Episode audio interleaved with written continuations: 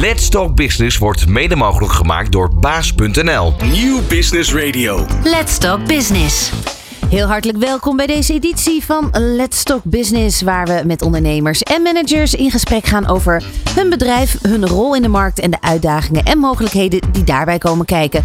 In deze uitzending van Let's Talk Business zijn te gast Dennis Scheerman en Paolo Cambirassi van Admin Control, een slim en veilig interactieplatform voor besluitvormers. Via de cloud-gebaseerde oplossing van Admin Control kunnen gebruikers efficiënt bedrijfskritische informatie openen, delen, bespreken en ernaar handelen.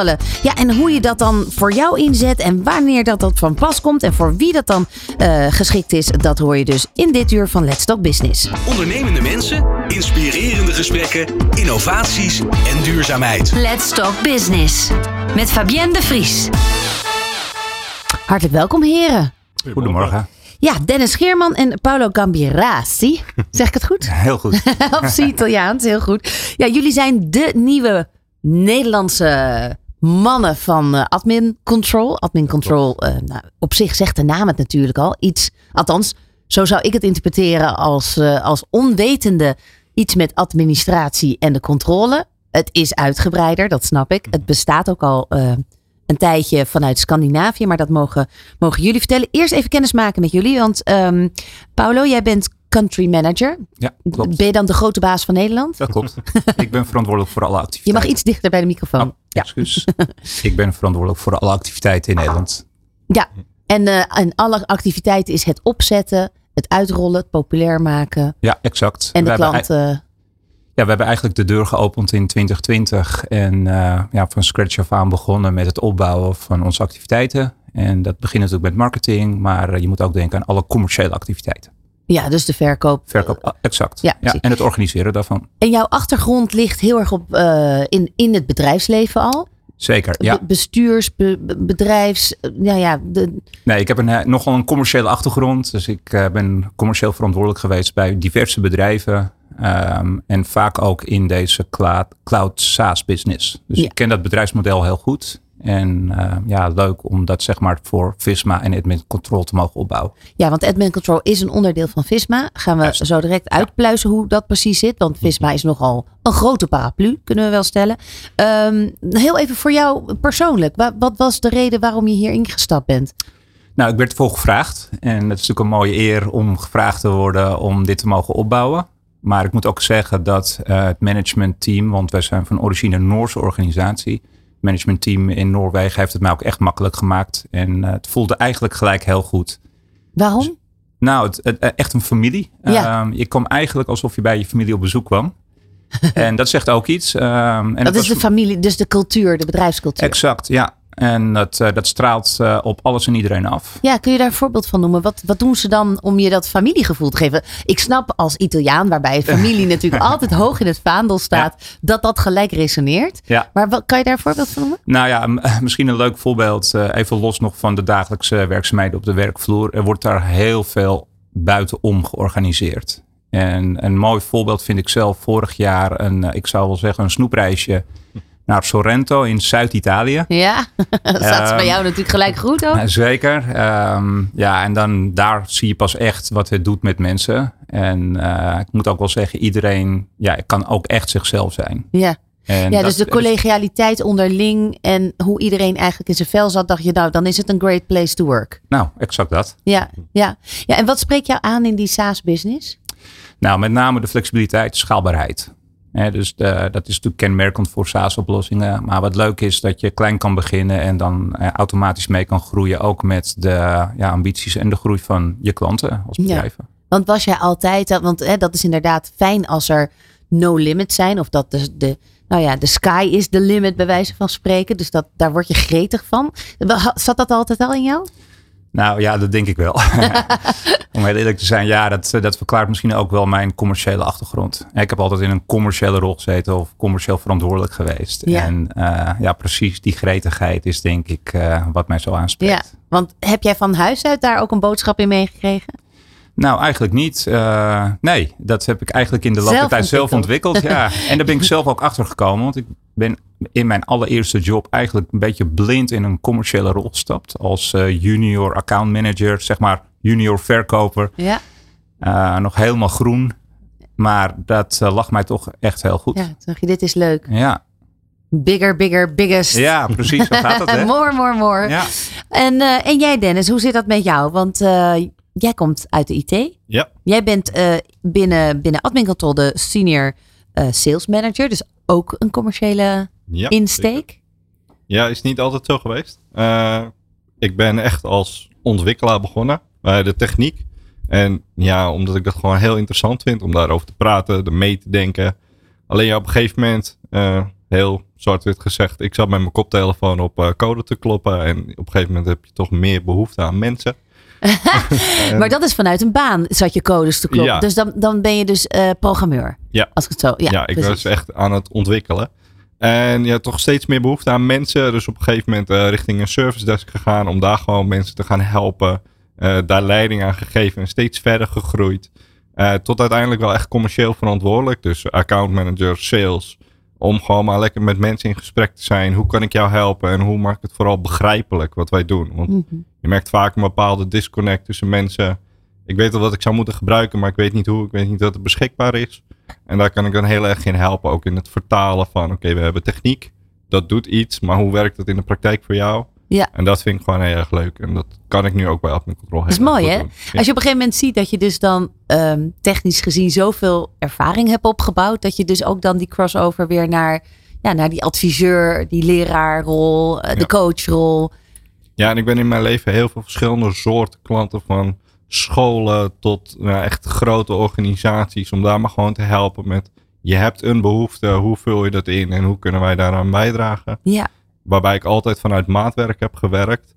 En het nu heel ontspannen vind om bij een SaaS-oplossing uh, te werken. Wat ja, veel meer vast omlijnd is. Wat doet het? Waarvoor is het bedoeld? Het is heel straight. Die grenzen zijn ook wel weer lekker. Ja, ja je hoeft veel minder te leren op een dag dan dat ik hiervoor moest. Want hiervoor maakte altijd nieuwe applicaties, nieuwe dingen, nieuwe technieken. En dan was het een, een blank canvas? Ja, en nu is het gewoon, wij bieden iets wat heel veel nut heeft. Uh, iedereen heeft daar behoefte aan, maar je weet het nog niet. Ik ga je vertellen waarom je hier behoefte aan hebt. En om dat op begrijpelijke manier open te brengen, dat is heel erg leuk om ja. te doen. Wij zijn nu natuurlijk wel heel nieuwsgierig geworden. Waar zouden we behoefte aan kunnen hebben? wat, uh, wat is admin control waar wij behoefte aan zouden kunnen hebben? Ja, we hebben twee producten. Ik ben zelf dan verantwoordelijk voor de boardportal. En de boardportal is er echt om mensen te helpen hun dagelijkse organisatie te runnen. Dus op het gebied van het bestuur, het hoge management. En dan om, voornamelijk om dat heel veilig en efficiënt te doen. Wat natuurlijk ja, hele cliché woorden zijn. Uh, maar het is gewoon, wij bieden een afgeschermde omgeving. Waar maar één iemand daar eindtoegang tot heeft. En die bepaalt wie op welk niveau wat kan zien. Je kan niet downloaden, je kan niet printen. Dus het is volledig afgeschermd. Uh, iedereen herinnert zich nog de verkiezingen waarin iemand met een blaadje naar buiten liep. En dat toen alles op stel en sprong lag. Uh, dat gebeurt niet met onze software. Hè. Die garantie kunnen wij bieden. En dat is toch wel waar heel veel bedrijven behoefte aan hebben om je hebt een ontslagronde of investeringen. En dat mag gewoon niet zomaar in de organisatie terechtkomen. En zeker de mensen die dat werk voorbereiden, directiesecretaresses, ondersteuners. Uh, ja, die doen in een half uur waar ze normaal een dag mee bezig zijn om het voor te bereiden. Mm. En dat is samen is dat een enorme toegevoegde waarde voor de besluitvorming. Zeker omdat het, het is altijd beschikbaar, online, offline. Uh, daardoor werkt het heel goed. Mensen die eigenlijk zouden moeten reizen, kunnen het vanuit huis doen. Uh, dat helpt op heel veel Ja. manieren. Dus het is echt inderdaad een platform wat ook helemaal meegegaan is ehm, voor board members, als het ware, in Ja. die hele digitalisering. Ja. Want bij de politiek was het de achterdeurtjespolitiek. Nou, je had natuurlijk bij bedrijven inderdaad dat in de kleine kamertjes de belangrijke beslissingen genomen werden. Maar de papieren vervolgens eh, op tafel lagen. En in dit Ja. geval ja, is dit dan dus beveiligd. Ja. Ehm, en werken jullie dan met een, met een cloud-oplossing? Ja, we zijn onlangs gemigreerd eh, naar de Microsoft Cloud. Eh, dus eh, als het goed is, komt er binnenkort eh, SSO vanuit je Microsoft-account. eh, die optie komt beschikbaar. Dus het betekent ook dat volledig veilig, redundant in Europa staat opgeslagen. Geen Amerikaanse partijen die er met je gegevens vandoor gaan, om het zo even te zeggen. Dat staat allemaal veilig. Niemand kan erbij. Ook ik niet. Ik kan niet zien wat jij op een dag doet. Ja. En dat geeft heel veel organisaties een heel veilig gevoel. Ja, merk je dat de organisaties ook wel weer behoefte hebben aan hun eigen cloud? Me ooit iets laten vertellen over hyperconverged IT. Weer terug zeg maar naar de, naar de eigen cloud. Ja, eh, wel merk je dat het voor velen, eh zou ik dat netjes zeggen, een illusie is. Als in we willen zelf controle hebben, maar we willen niet zelf de verantwoordelijkheid hebben. Ah, Eh, en wij hebben die verantwoordelijkheid om het voor jou goed te regelen. Alleen je hebt wel zelf controle wie wat kan op welk moment. en dan is het bij Microsoft eigenlijk toch voelt dan nog wel veiliger. Ja, het is toch wel fijn dat je zegt eh, de boer om de hoek waar Ja. de gegevens staan. Hier weet je gewoon als punt A afbrandt, dan zijn niet meteen je gegevens weg, want er staat ook punt B. Precies. En sowieso dus om daar Europees bij te kunnen is ook belangrijk. Want uiteindelijk eh, is het een onderdeel. Misschien dat jij daar iets meer over kan vertellen, Paulo. Ehm, admin Control is een onderdeel van Visma. Ja. Visma die heeft, ik las eh, iets, iets van 40 of 50 overnames gedaan in eh, 2018. Maar ik begrijp dat ze er twee per maand ongeveer doen. Ja, Wat, wat doet Visma zelf? Wat, Nou, Visma, ik zal straks nog even het andere product uitleggen hoor. Want we Ja, hebben nog een product, eh, dus naast Boardportal ook nog datarooms. Ja. Ehm, maar eventjes terugkomend op Visma. Eh, Visma is onze moederorganisatie. Hij is eigenlijk een verzamelnaam van heel veel entiteiten die nog zelfstandig doorgaan. Maar dan wel onder de Visma-vlag. En Admin Control is daar ook één van. Ehm, maar in Nederland alleen al eh, zit het zogenaamde M&A-team. Dus het team wat zich bezighoudt met nieuwe acquisities. Eh, ongeveer permanent in drie tot vier cases per maand. zo. Waarvan er één à twee per maand afgesloten worden. Dus in een deal omgezet worden. Dat betekent dat de Visma-familie dus ja, continu aan het groeien is. En dat is de zogenaamde buy and build strategie. Wat is daar het doel van? Nou, het doel is natuurlijk, we hebben autonome groei. Hè. We willen natuurlijk groot worden. Eh, dat betekent dat wij een groot in- innovatief bedrijf willen zijn. Eh, onze grote eh, baas in Europa, die zegt altijd, wij zijn de grootste scale-up ter wereld. Mhm. Ehm, en je weet natuurlijk dat je als bedrijf autonoom kan groeien. Maar door daar nog nieuwe acquisities aan toe te voegen, gaat dat gewoon extra snel. Ja, en ik probeer dat dan een beetje inderdaad in zo'n matrix te zien. Hè, dat de Visma hangt daarboven, dan heb je Ja. admin control. Hoe zorg je nou ook al vanuit Nederland ervoor? Je hebt dus admin control, wat al in al die andere Scandinavische landen zit. Onderdeel is van een paraplu waar ook allerlei bedrijven met andere producten en andere diensten Ja. aan hangen. Zeker. Dat je met je kop boven het maaiveld uitkomt als de Nederlandse admin control. Ja, dat is eh, inderdaad een goede vraag. Ehm, want eh, wij zijn marktleider met admin control in Scandinavië. Eh, wij zijn ook net als Visma van origine Noors. En zijn ook als een van de eerste daar eh, begonnen met bouwen aan de oplossingen zoals we die net hebben uitgelegd. Ehm, maar dat betekent nog niet dat je dan dat zomaar kan doorzetten in Nederland. Dan moet je echt dagelijks je keihard je best voor doen om inderdaad boven te komen en zichtbaar te zijn. En dat doen wij ook op een slimme manier. Want wij zijn eigenlijk de laatkomer op de Nederlandse markt. De, producten De we- Benjamin? de Benjamin, ja. Inderdaad. Ehm, de producten die wij leveren en de diensten, die zijn eigenlijk al volwassen. Ehm, en ook... eh, Ja, ja, dat scheelt. Dat ze al dat- doorontwikkeld zijn. Exact. Hè? Ja. Dus het, en eh, natuurlijk nog niet bij iedereen bekend, maar bij de community die het moet weten, laten we zeggen de core, de kerngroepen wel, wel degelijk. En eh, ja, en zo moeten wij proberen toch de Nederlandse markt te zien te veroveren. En dat doen wij onder andere door natuurlijk slimme marketing te bedrijven. Eh, en op dit soort momenten ons ook even te presenteren, zoals we hier nu ook in de studio zitten. Mhm. Maar dat doen we ook door middel van partnerships. Dus het vinden van goede partners die al een reputatie hebben of ons toegang kunnen geven tot hun doelgroepen. Ja. En daar hebben we er een aantal van. Nog even terugkomend op het familiegevoel van, van Visma. Want je hebt dus de- heel veel broertjes en zusjes, Ja. zo gezegd. Ja. Ja, Ehm, op, op, het, kan, het kan elkaar denk, denk ik ook wel kruisbestuiven. ja dat, is een, dat is eigenlijk een heel goed punt. Want eh, wat bijzonder is in de strategie van Visma is dat bij overnames het niet betekent dat bedrijven geïntegreerd worden met elkaar. Die kunnen eigenlijk zelfstandig doorondernemen. En eh, onze M&A director in Nederland die zegt altijd eh, innovatie ehm, of integratie stopt innovatie. Mhm. En dat is de overtuiging. En dat betekent dus dat wij eigenlijk de entiteiten uh, zelfstandig laten.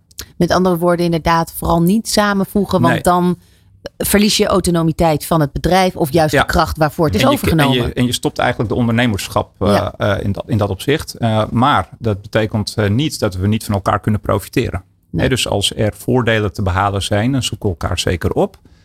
Ehm, dat betekent ook dat kennis gedeeld wordt binnen de groep.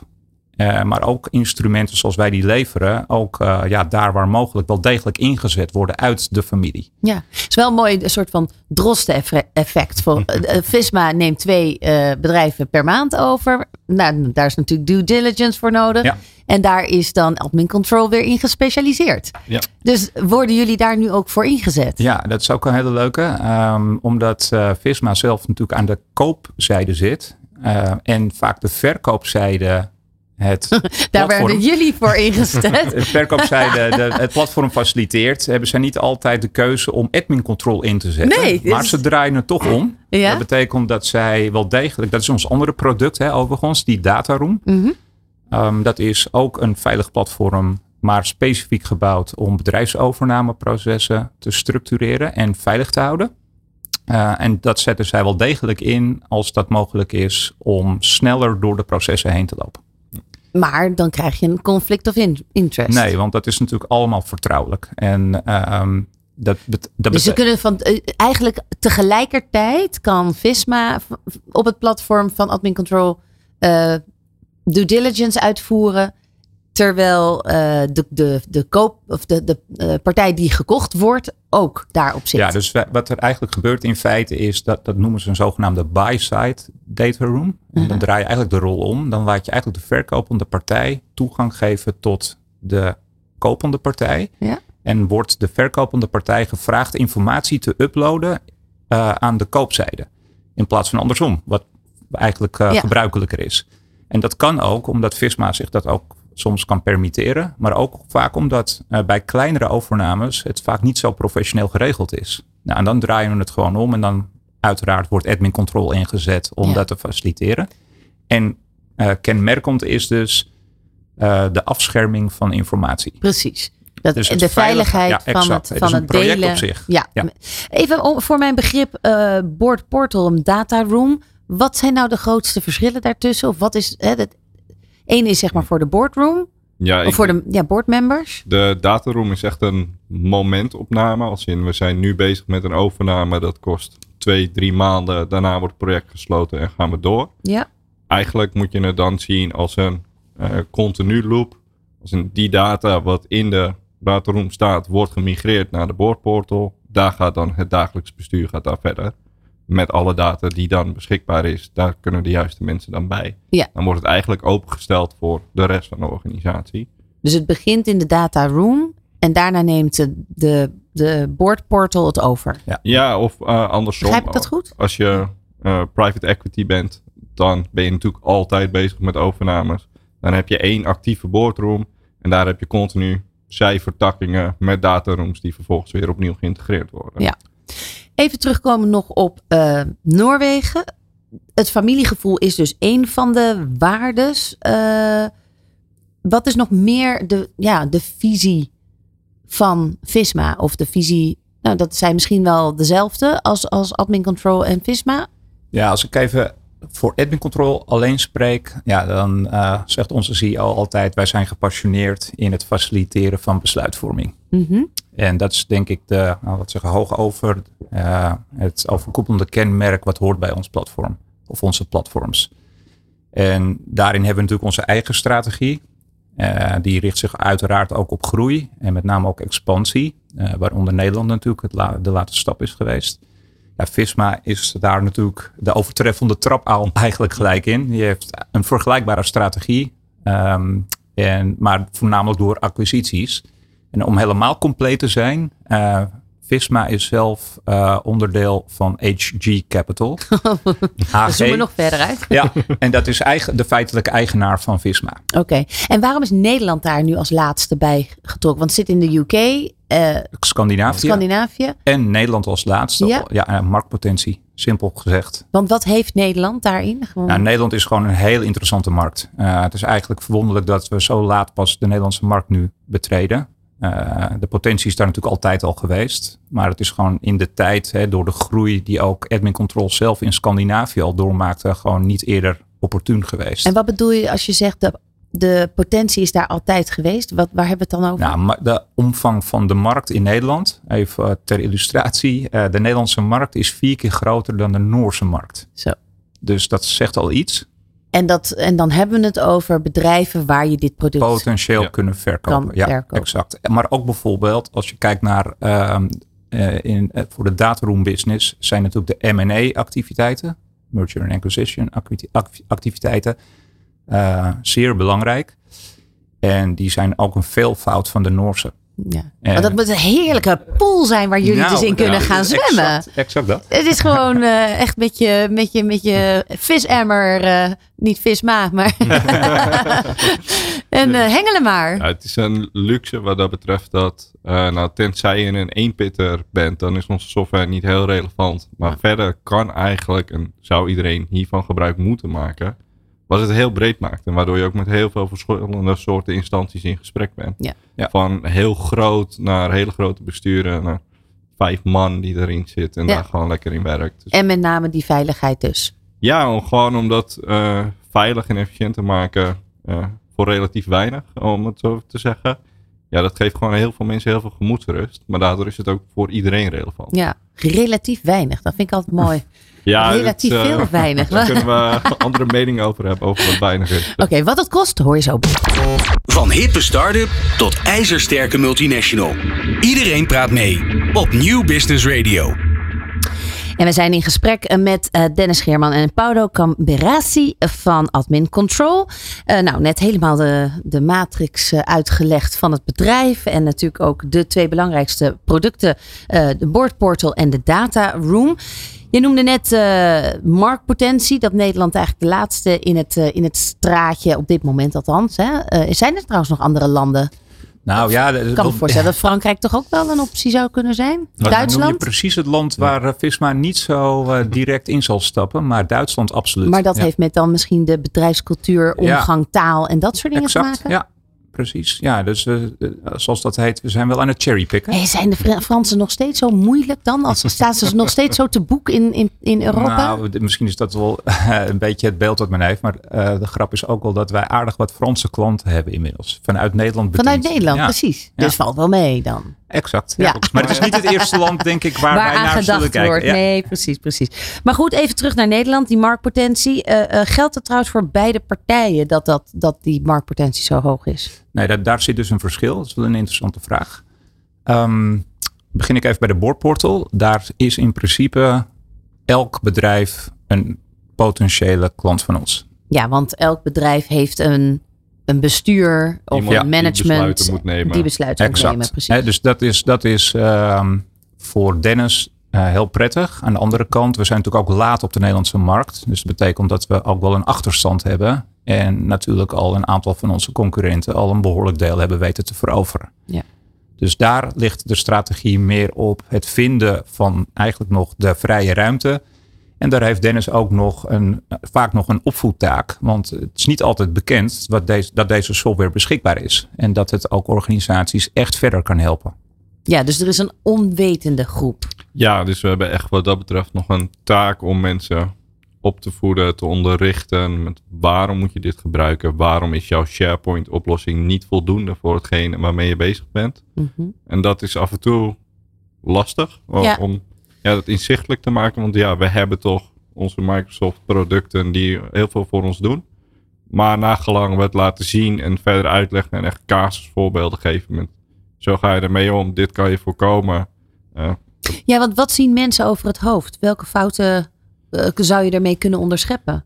Heel cru gezegd, wat veel mensen vergeten is dat als jij je SharePoint-omgeving hebt, dan heb je een ICT-afdeling die zich daarmee bemoeit. Een ICT-stagiair uh, die alles kan meelezen. En zeker als het gaat om bepaalde gevoelige informatie, uh, dat kan zomaar op de werkvloer komen liggen, omdat iemand een vinkje verkeerd zet, om maar even iets te zeggen. Mm -hmm. Of besluit om morgen ontslag te nemen en dat even mededeelt aan de hele organisatie. En dat zijn dingen die zijn bij ons niet mogelijk. En dat soort concrete zaken, dan zie je heel veel oh ja momenten. Dat er echt een lampje gaat branden met dat zouden we anders moeten regelen. Ja. Want wij willen niet. Uh, iedereen gaat er altijd vanuit als je in SharePoint werkt en jij bent directie en ik heb toegang tot mijn map directie, dat daarmee alles geregeld is. En dat is absoluut niet zo. Dus dat is uh, een stukje uitleg die mensen echt nog wel nodig hebben. Ja, mensen zijn natuurlijk gewoon met de inhoud van hun werk bezig en niet met de processen. Nee. En dan is het natuurlijk heel goed om te zeggen, je bent ISO gecertificeerd, alles is GDPR geregeld. Dat is eigenlijk een aanname in Nederland. Dat is gewoon een vinkje met oké, prima. Maar hoe werkt dat voor ons in de praktijk? Ja, en om dat dan uit te leggen en ook dan gewoon de gemaks- en gemoedsrust die wij brengen met hoe het platform werkt. Ja, dan zijn mensen eigenlijk altijd al in één keer overstap. Ja, precies. ja, want dat het, uh, hoe zit het met gebruiksvriendelijkheid als je dan eenmaal op de portal zit? Ja, we hebben eigenlijk het één-klik principe. Uh, zeker voor eindgebruikers. Je logt in. Uh, ik heb de app op de iPhone staan, op de iPad. Je logt in, je ziet meteen, dit zijn mijn vergaderingen. Dit zijn uh, de documenten die ik moet lezen. Of ik moet misschien ergens nog een handtekening zetten. Alles is vanuit je startscherm zichtbaar. Je hoeft eigenlijk niet na te denken om dat deel van je werk te kunnen doen. En dat is heel erg fijn, want eigenlijk de meeste bestuurders ja, spenderen dagenlang met documenten lezen. Mm -hmm. En die willen zich niet druk maken om Nee, dus je hebt een soort dashboard of zo. Waarin je in één overzicht ziet wat, wat er nog gebeuren moet. Ja, dit moet ik vandaag doen. Dit moet ik nog lezen. Hier moet ik nog iets van vinden. Dit is de aankomende bestuursvergadering. En dat maakt het gewoon heel makkelijk. Soms uh, bel ik met bestuurders. Met, ik kan even iets niet vinden. Ja, en dan is het gewoon. Als je inlogt.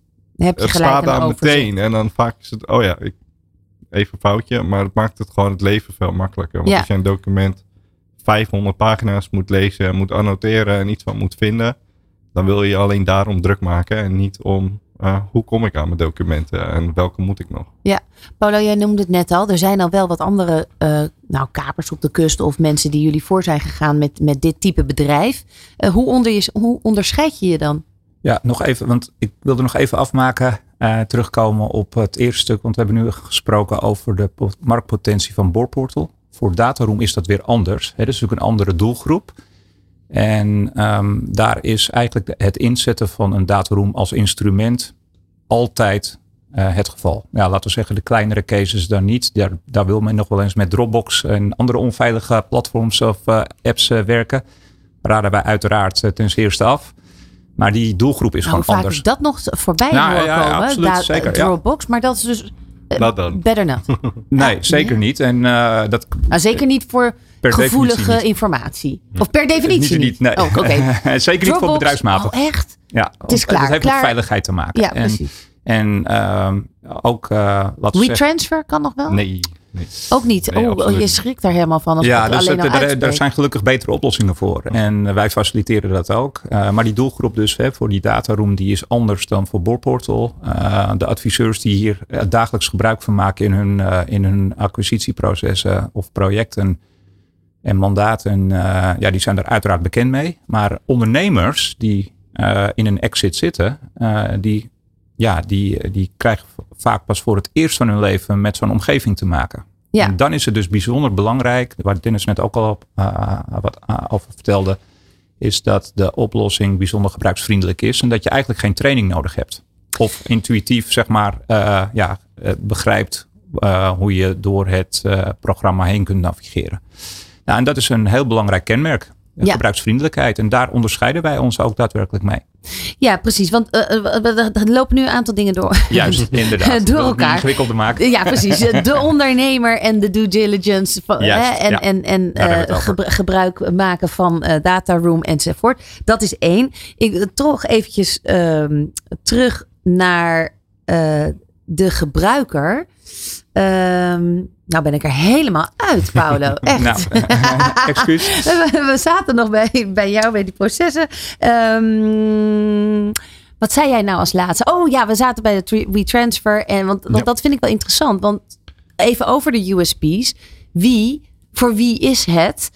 Als je dus nou niet een, nou ik zeg maar KLM of een, uh, een uh, weet ik veel, een, een, een, groot bedrijf of een Canon Nederland of wat dan ook bent. Maar je bent gewoon een MKB'er. Waarbij je toch wel uh, iets af en toe moet versturen. dan zeg jij, dan raad jij dus WeTransfer af. Absoluut, ja. En dan heb je het voornamelijk over wie is de eigenaar van je data. Maar kan je dan ook, oké, wie is de, inderdaad dat? Want? Nou, als je een Dropbox, een WeTransfer gebruikt, dan ben jij in feite niet meer eigenaar van je eigen data. Oh. dat komt op verschillende servers te staan en daar heb je niet meer de volledige controle over. Bij ons is dat niet het geval. Het staat alleen in jouw platform. Ik kan er niet bij. Onze hulpdesk kan er niet bij, tenzij expliciet toegang. Dat is een heel groot, maar wel kenmerkend verschil waarvan mensen zich ook niet bewust zijn. Maar kan een klein bedrijf dan ook gebruik maken van admin control? Zeker. En het mooie is ook dat als je het eenmaal gebruikt, iedereen werkt waarschijnlijk of die heeft een Dropbox folder of een SharePoint. Die upload je één keer. Dat is een chipje en een paar minuten later is dat helemaal uitgepakt volgens jouw structuur. Je hebt nooit meer iets anders nodig. Hmm. Uiteraard doe je nog wel nog gewoon op je laptop, op, in je Word document, doe je werk uit, doe je alles voorbereiden. Je uploadt het in een platform. Dat is waar het staat, dat is waar het leeft. En daar kan niemand anders bij. En dat is een echt een mega groot Hoe kan dat? Dat is natuurlijk een hele technische vraag, dat snap ik. Maar... Ja. Ehm, ja, voornamelijk door enerzijds, wij hebben geen derde partijen met belanghebbenden, geen reclame, verkopen geen data om allemaal dat soort met zaken. Microsoft uh, Cloud. Ja, alleen uh, die hebben natuurlijk ook hun eigen oplossing. En Microsoft is aan zich een heel veilig product. Je ziet alleen altijd met wie beheert jouw product. Dat is een groot verschil. Uh, bij ons, jij beheert je eigen product. Wij doen daar verder niks mee. En hoeft die ander dan niet van alles te downloaden? Nee, uh... nee alles staat in principe als eindgebruiker werk jij over het algemeen op een mobiele device of in je browser. Uh, je apparaat synchroniseert automatisch, dus het is altijd beschikbaar. En jij kan daar gewoon werken, ongeacht of je online of offline bent. Je kan daarin alles privé houden wat je doet. Uh, dus dat is voor je eigen gemoedsrust heel erg fijn. Uh, tenzij je het wil delen met de mensen die ook toegang hebben tot dat product. Dan kunnen we er ook meekijken, meelezen ja. of wat dan ook. En gaat dit dan op een uh, abonnementsvorm? Ja, op een jaarabonnement uh, doen wij het in principe. En daar is van alles in mogelijk, net wat mensen fijn vinden. maar in principe betaal je één keer, alles zit daarbij in. En dan ben je ook volledig ontzorgd. Ja, en het goedkoopste pakket is dan? Ja, het is een beetje afhankelijk van de hoeveelheid mensen waarmee je werkt. Maar zeg dat je rond de 3000 euro dat je begint. Ja, per jaar. Ja. Maar ja, dat is voor um, een, een, bedrijf wat misschien vier mensen in dienst heeft best wel, uh, of nog niet eens. Misschien als je als, nou je zei al, als één pitter niet mega interessant. Hm. Maar vanaf, vanaf welke grootte van bedrijf is dat dan? Wij zeggen meestal als je met vijf mensen erin werkt, dan wordt het echt uh, interessant. interessant. Ook omdat je gewoon heel veel tijd bespaart in je dagelijks werk. Ja. Uh, als in, we zorgen dat je vergaderingen automatische templates hebben met hoe je het moet doen, notities, handtekeningen. Het bespaart heel veel tijd. En sommige directiesecretaressen die zeggen binnen een dag heeft eigenlijk het platform zich terugverdiend. Omdat we er zo snel met z'n allen in kunnen werken. Dat scheelt gewoon heel veel. Ja. Kan je een casus noemen, Paulo? Nou, ik vind dat wel even interessant. Want we, anders loopt het, uh, laten we zeggen, we hebben het elke keer over het verschil tussen boardportals en datarooms. Maar uh, één belangrijk uh, aspect hierin is bijvoorbeeld het beschermen van persoonsgegevens. Mm -hmm. um, veel, Dennis gaf net al aan, SharePoint wordt heel veel gebruikt. En je kan inderdaad als groep, bijvoorbeeld directie, een slotje zetten op je mapje. Dan lijkt het alsof er van alles goed geregeld is. Maar ik ga een voorbeeld geven met persoonsgegevens en de afscherming daarvan. Want uh, eigenlijk is de voorwaarde waar elk bedrijf aan moet voldoen, is om die gegevens af te schermen. En eigenlijk ook te bewijzen dat die altijd afgeschermd zijn geweest. Nou, de vraag is hoe doe je dat in SharePoint? Even een simpel voorbeeld misschien, maar dat is eigenlijk niet mogelijk. En met onze platforms kan je eigenlijk aantonen in feite een reconstructie maken van gebeurtenissen. Wie heeft welk document gezien, op welk moment en hoe lang. En, een, log, een logboek wordt erbij gehouden. Exact. Op de achtergrond draait dat altijd mee. Mm -hmm. En dat betekent dus dat je, uh, als het alleen al om persoonsgegevens gaat, uh, exact kunt laten zien wie toegang heeft gehad, met welke permissies nou, en alle loggegevens daarbij. En dat geeft rust in het Engels peace of mind. Um, en dat is precies wat we kunnen faciliteren. Ja. En dit is maar één klein, laten we zeggen, aspect binnen de vele mogelijkheden die wij bieden. Ja, want hoe lang duurt zo'n implementatie? Voor de eindgebruiker 10 minuten. Oké. Okay. Ja, dat is, en als bedrijf? Ehm, als bedrijf is meestal een training van een uur tot anderhalf uur. Mhm. Het fijne is voor bedrijven die nieuw komen, is dat wij eigenlijk alles voor je doen. Ehm, dus je hoeft alleen maar te vertellen wat je nodig hebt. En het belangrijkste, wie mag waarbij. Maar wij regelen alles voor je. Dus we doen eigenlijk één training met oké, dit is hoe je platform gebruikt. Dat is een uur, anderhalf uur misschien, afhankelijk van je inzicht in dat soort technieken. Maar eindgebruikers, bestuurders eh, en of je nu een jonge bestuurder bent of eentje die ver als zijn pensioen voorbij is, 10 minuten kwartier en je werkt ermee. Eigenlijk het moeilijkste is om de app te installeren en ja, te Dus, eh, in, ja, ja, precies. Dus eh, gewoon de, de Steve Jobs eh, mindset Ja. hebben jullie toegepast van eh, een kind, een kind kan de was doen. Ja, dat ik mijn onboarding had een jaar geleden. Toen hadden ze een aantal dagen gereserveerd voor, oké, je moet het platform leren kennen. Twee uur was ik helemaal klaar. Was je helemaal klaar? Kijk, ook wel weer de jonge generatie die natuurlijk al veel En dan makkelijker zie je is. dat de tech, hè, zijn technische achtergrond Ja. natuurlijk ook heel erg mee, mee helpt. Weten mensen eigenlijk wel wat ze nodig hebben? Merk Nee. je dat? Nee, hè? Nee. dat is dat stukje opvoeden ja, dat is wat erbij komt. nog wel. Ik, soms spreek je met eh, informatiemanagers, IT-managers. Die snappen heel goed wat je doet en waarom het relevant is. Maar over het algemeen spreek je met CEO's, CFO's of de directiesecretaresses. En dan merk je nog heel erg de mindset. Dit is hoe we het doen. Ja. En dan hoor je dat mensen elkaar zaken via WhatsApp toesturen. Ja, maar we vertrouwen elkaar. Je moet- Het gaat er niet om of wij elkaar Nou, precies. vertrouwen. Het, het- ik denk dat mensen nog zo eh, niet weten welke bedreigingen er van buitenaf eh, kunnen komen of kunnen zijn. Die hele cybersecurity. Dat Ja. dat ook, eh, ook ja, dat, Ja, daar steek je ook het liefst je kop voor in het zand misschien. Ja, en hoe makkelijk informatie weglekt. Hè? Ja, Want precies. eh, dat ene filetje wat net even gedownload is, dat toch per e-mail verstuurd wordt naar een ander. Ja, Nou, eh, Ja. dan eh, is er eigenlijk hoe het document al snel dat dat niet geda geda- Maar gedaan Als je wordt. Ja. nagaat dat eh, mijn vrouw kan mij vandaag een afbeelding sturen van nieuwe schoenen die ze wilt. En ik heb de aankomende week daar reclames voor eh, in mijn browser. Ja. Dat is wat dat Hoe soort bedrijven van je weten. En dat, je, je wil dan niet gewoon dat daar gevoelige informatie over Nee. gaat. Nee. En dat besef is er nog bij heel veel mensen niet. Nee, het is echt bizar. Zelfs als je gewoon met je telefoon naast je, je hebt een gesprek met iemand over, weet ik veel, een stapelbed en je ziet gelijk het eerste plaatje als je opent. eh, tussen- in je Instagram zit, zit die er al tussen. Ja, Het is echt bizar. Ja. Goed, ehm, de toekomst, daar gaan we het zo over hebben. Blijf luisteren. Dit is Nieuw Business Radio. Het nieuwe tijdperk van bestuurswerk, dat is wel waar we aan beland zijn. Hoe zou jij die omschrijven, Paulo? Ja, dat is een goeie. Eh, nou, ik eh, zou zeggen dat er, als je kijkt naar de huidige trends, dat er ontzettend veel gaat gebeuren op het gebied van technologie. Het buzzwoord van dit moment, kunstmatige intelligentie, dat gaat absoluut zijn intrede eh, doen binnen ook de bestuurskamer. Dus daar is wel veel op te verwachten. En ik weet bijvoorbeeld, als ik dat eventjes vertaal naar admin control en Visma, is dat er, eh, volgens mij stond dat gisteren op LinkedIn, iets van 164 cases momenteel zijn, casussen, waarin AI binnen de Visma groep nu getest of eh, ontwikkeld wordt. Oké. Om maar even iets te noemen. Ja.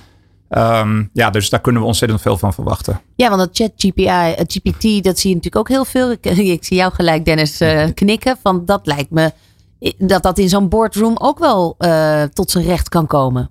Ja, als je dan, eh, en dat is eigenlijk nog veel meer relevant eh, voor de dataroom, denk ik, dan voor de boardroom. Hè, maar contracten vergelijken, wil je elke regel naast elkaar leggen, s'avonds als je op de bank zit. Of laat je een slim systeem dat voor je doen. Ja.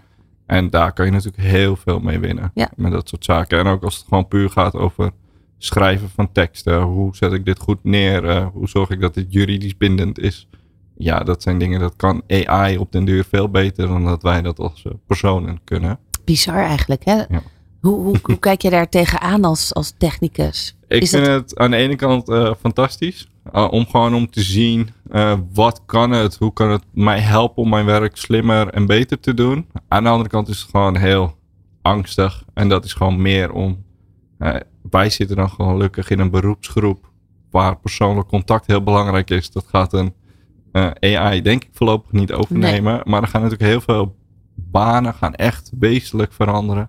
We werken het nu al met vertalingen. En wij krijgen zaken uit Noorwegen opgestuurd. Ja, er hoeft geen bureau tussen te zitten, want we hebben een ChatGPT die dat eigenlijk beter doet. Hmm. En dat zijn wel uh, ja, verbazingwekkende zaken. Ja.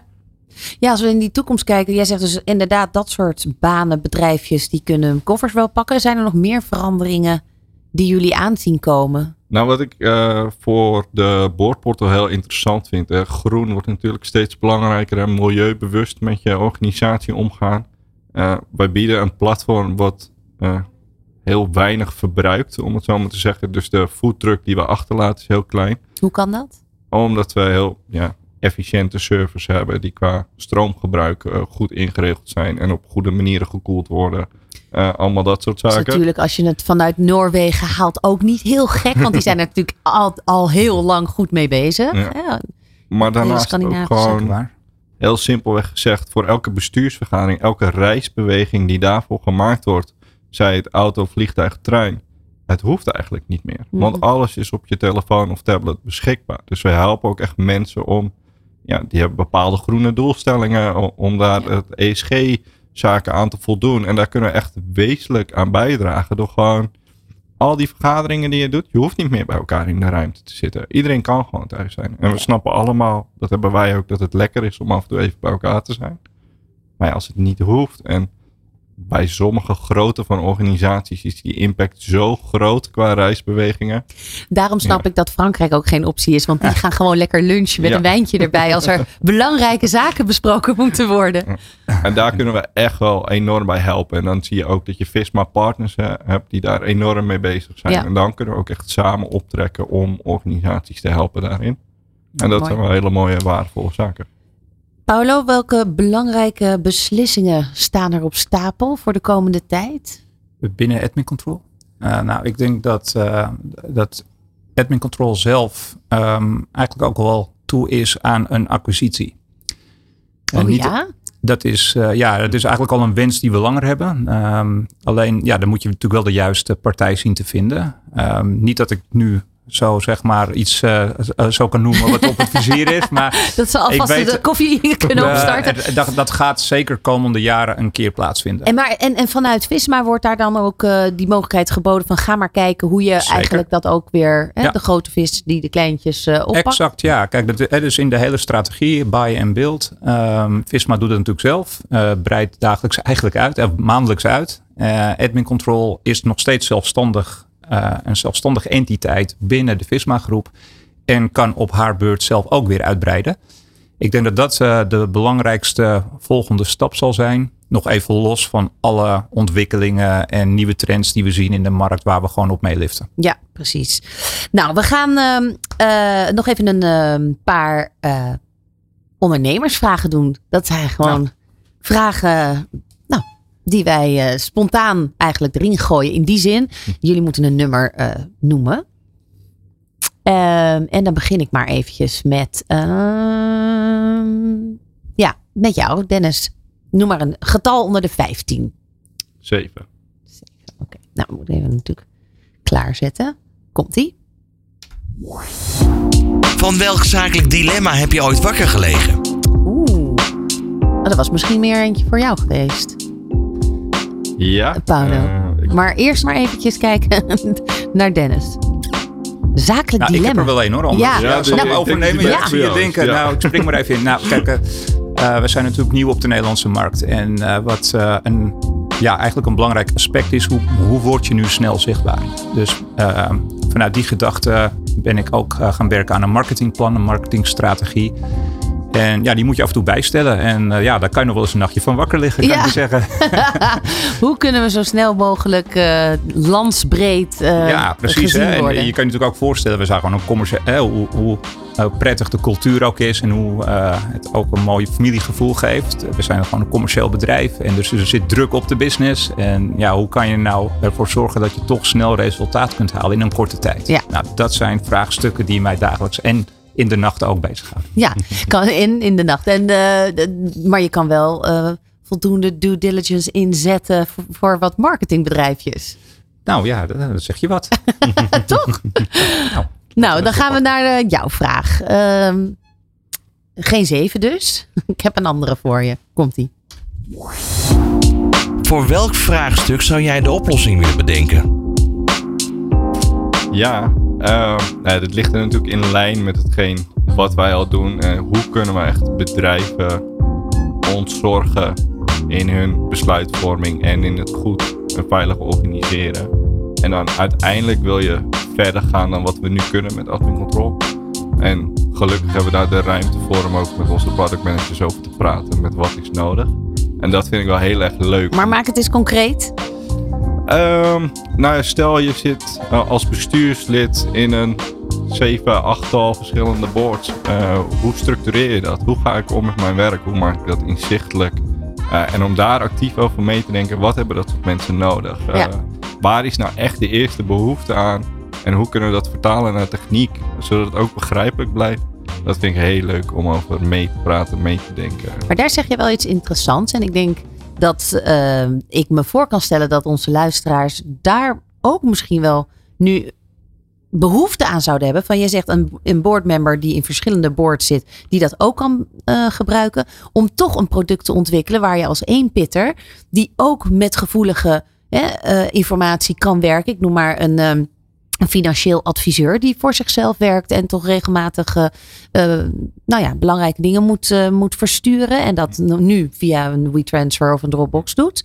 Dat daar toch ook dan een, misschien een wat vriendelijker product voor komt of een, lager instapmodel. Ja, en je ziet eigenlijk dat grappig genoeg uh, organisaties onze software daarvoor gebruiken, zeker misbruiken. Mm. we hebben bijvoorbeeld pensioenfondsen die simpelweg gewoon het gebruiken als een veredelde archieffunctie.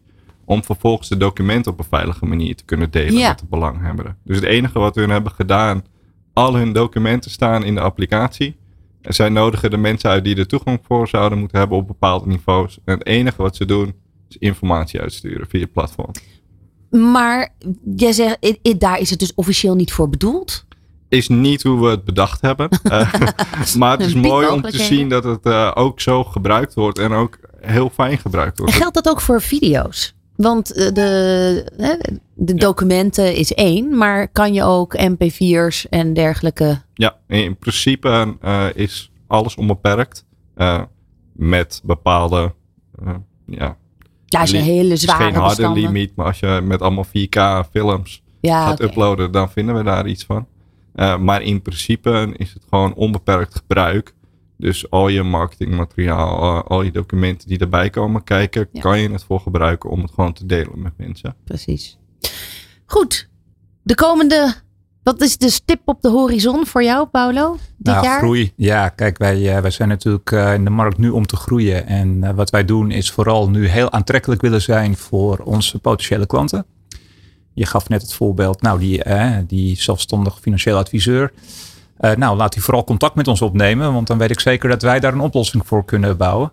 Uh, want zo zitten we ook in de wedstrijd. Ja. He, dus wij gaan eigenlijk uh, nu recht af op de potentie die de markt ons biedt. dat doen wij zelf proactief, maar andersom weten mensen ons ook steeds beter zelf te vinden. En, ja, en ik heb het idee dat Dennis alles kan bouwen wat je wil.